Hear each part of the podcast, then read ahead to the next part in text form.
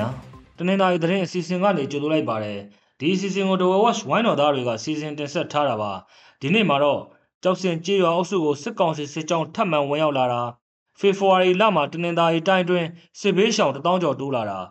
ကျွန်းစုမှာတိုက်ပွဲဖြစ်ထားလို့ပြည်သူတွေဂရုပြုသွားလာကြဖို့တိုက်တွန်းထားတာတနင်္လာရီမြို့နယ်ထဲမှာစစ်ကောင်စီရင်နဲ့မိုင်းဆွဲခံရတာရေပြည်မြို့နယ်ဇာရီယာနာမှာစစ်ကောင်စီတပ်ကတောင်းနှင်းရှာဖွေနေတာစစ်ကောင်စီတပ်ကလက်နက်ကြီးနဲ့ပစ်လို့ ကလေးတဦးနဲ့အမျိုးသမီးတဦးအပါအဝင်9ဦးဒဏ်ရာရသွားတာကလျောင်မြို့နယ်အနီးဝန်းကျင်ရွာ၃ရွာကဒေသခံအနည်းဆုံး၄ဦးကိုစစ်ကောင်စီတပ်ကဖမ်းဆီးသွားတာဗိမြို့ကနေအိမ်တွေမှာစစ်ဘေးရှောင်လာသူတွေကိုစစ်ကောင်စီကစည်ရင်လိုက်ကောက်နေတာစတဲ့သတင်းတွေအပြင်တဝဲဈေးကွက်ထဲကရွှေဈေးအခြေအနေတွေကိုပါတင်ဆက်သွားမှာဖြစ်ပါတယ်။နောင်လုံးမြို့နယ်ကြောက်စင်ကျေးရွာအုပ်စုတွေကိုစစ်ကောင်စီစစ်တပ်စစ်ကြောင်းထပ်မံဝင်ရောက်လာပါတယ်။ မတ်လ17ရက်မွန်းလယ်ပိုင်းလောက်က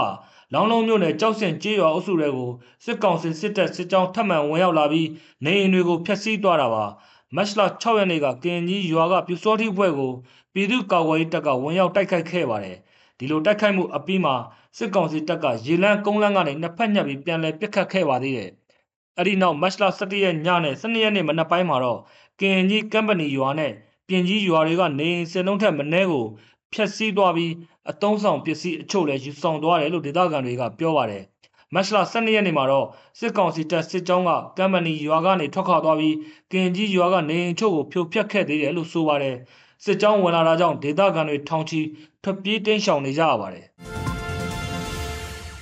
ဖေဖော်ဝါရီလမှာတရင်သာရီတိုင်းတွင်စစ်ဘေးရှောင်1000ကျော်တိုးလာပါတယ်။စစ်ဘေးရှောင်1000ကျော်တိုးလာတဲ့အတွက် ဖေဖော်ဝါရီလကုန်ထိစုစုပေါင်းစစ်ဘေးရှောင်3100ကျော်ထိရှိလာတယ်လို့ FE5 တနင်္သာရီရဲ့အစီရင်ခံစာမှာပါရှိပါတယ်။ FE5 တနင်္သာရီဟာတနင်္သာရီတိုင်းတွေကပြိပခအခြေအနေတွေအရက်သားတွေပေါ်ကျူးလွန်မှုတွေအရေးကြီးတဲ့လူမှုစီးပွားအဖြစ်အပျက်တွေစစ်ပွဲနဲ့စစ်ဘေးရှောင်အခြေအနေတွေကိုသူတေသနာလုပ်ပြီးလစဉ်အစီရင်ခံစာထုတ်နေတဲ့အဖွဲ့တစ်ဖွဲ့လည်းဖြစ်ပါတယ်။ ပလောနဲ့တနင်္သာရီမြို့နယ်မှာစစ်အုပ်ချုပ်ရေးကြီးညာပြီးနောက်ပိုင်းစစ်ကောင်စီတပ်နဲ့ပြည်သူ့ကာကွယ်ရေးတပ်တို့ကြားတိုက်ပွဲဖြစ်ပွားတာနေအိမ်တွေမိရှုခံရတာတွေကြောင့်စစ်ဘေးရှောင်ဥယျာတိတိတပိုများလာတယ်လို့ဆိုပါတယ်။ဖေဖော်ဝါရီလအတွင်းတိုးလာတဲ့စစ်ဘေးရှောင်အရေအတွက်အားလုံးနှိပါဟာပလောမြို့နယ်တစ်ခုတည်းကဖြစ်တယ်လို့လည်းအစီရင်ခံစာမှာပါရှိပါတယ်။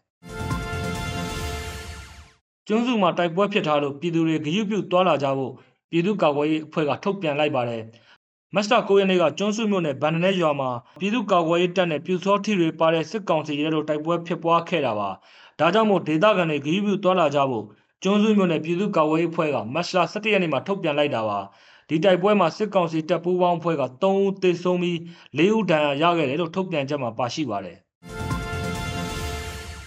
တနင်္သာရီမြို့နယ်ကပြည်တော်စုလမ်းမပေါ်မှာစစ်ကောင်စီတပ်ရင်နဲ့မိုင်းဆွဲခံလိုက်ရပါတယ်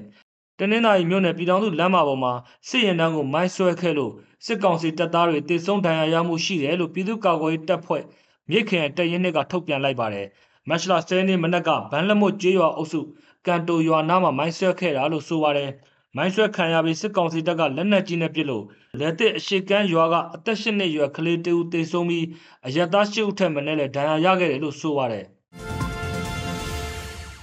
ရေပြူမြို့နယ်ဇာရီရွာနားမှာစစ်ကောင်စီတပ်ကတောင်းနှင်းရှာဖွေနေပါတယ်။ဇာရီကျေးရွာနဲ့ကြောက်ထရန်ရွာကြားက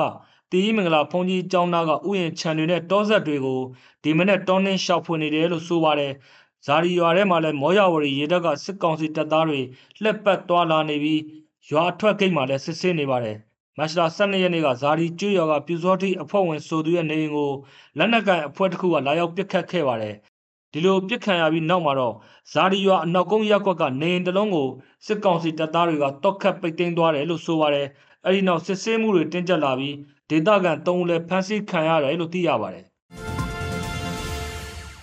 ပလောမျိုးနယ်ကျောင်းနှင့်ကြီးရွာမှာလက်နက်ကြီးကြီးကြလို့ကလေးတူးနဲ့အမျိုးသမီးတူးအပါဝင်၅ဦးဒဏ်ရာရသွားခဲ့ပါတယ်။ဒါအပြင်လက်နက်ကြီးကြီးထိမှန်ပြီးနေအိမ်၅လုံးလည်းထိခိုက်ပျက်စီးသွားတယ်လို့ဆိုပါတယ်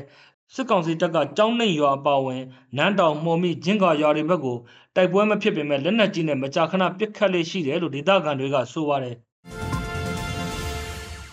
ကလင်အောင်မြို့အပါဝင်အနီးပတ်ဝန်းကျင်ကရွာ၃ရွာကဒေသခံအနည်းဆုံး၄ဦးကိုစစ်ကောင်စီတပ်ကဖမ်းဆီးသွားပါတယ်မတ်လ12ရက်နေ့ကစစ်ကား3စီးနဲ့ရောက်လာပြီးနေအိမ်တွေကိုဝင်ရောက်စစ်ဆေးဖမ်းဆီးသွားတာပါ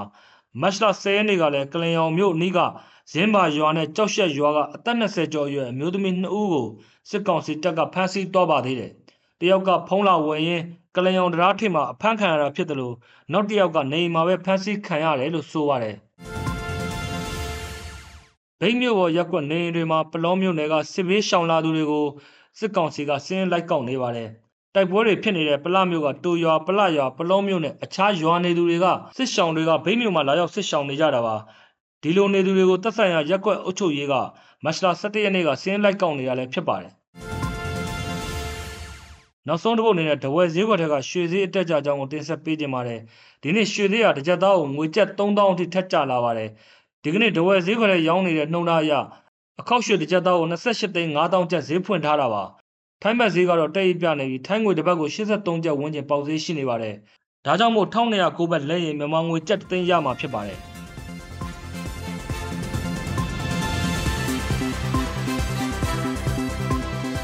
အခုလိုနားဆင်ပေးတဲ့အတွက်ကျေးဇူးအထူးတင်ရှိပါတယ်မြန်မာနိုင်ငံသူနိုင်ငံသားများကပ်ဘေးပေါင်းကအများဆုံးလွတ်မြောက်ပါစေလို့ The Way Watch ဝိုင်းတော်သားတွေကစုမှုကောင်းတောင်းအပ်ပါတယ်ခင်ဗျာ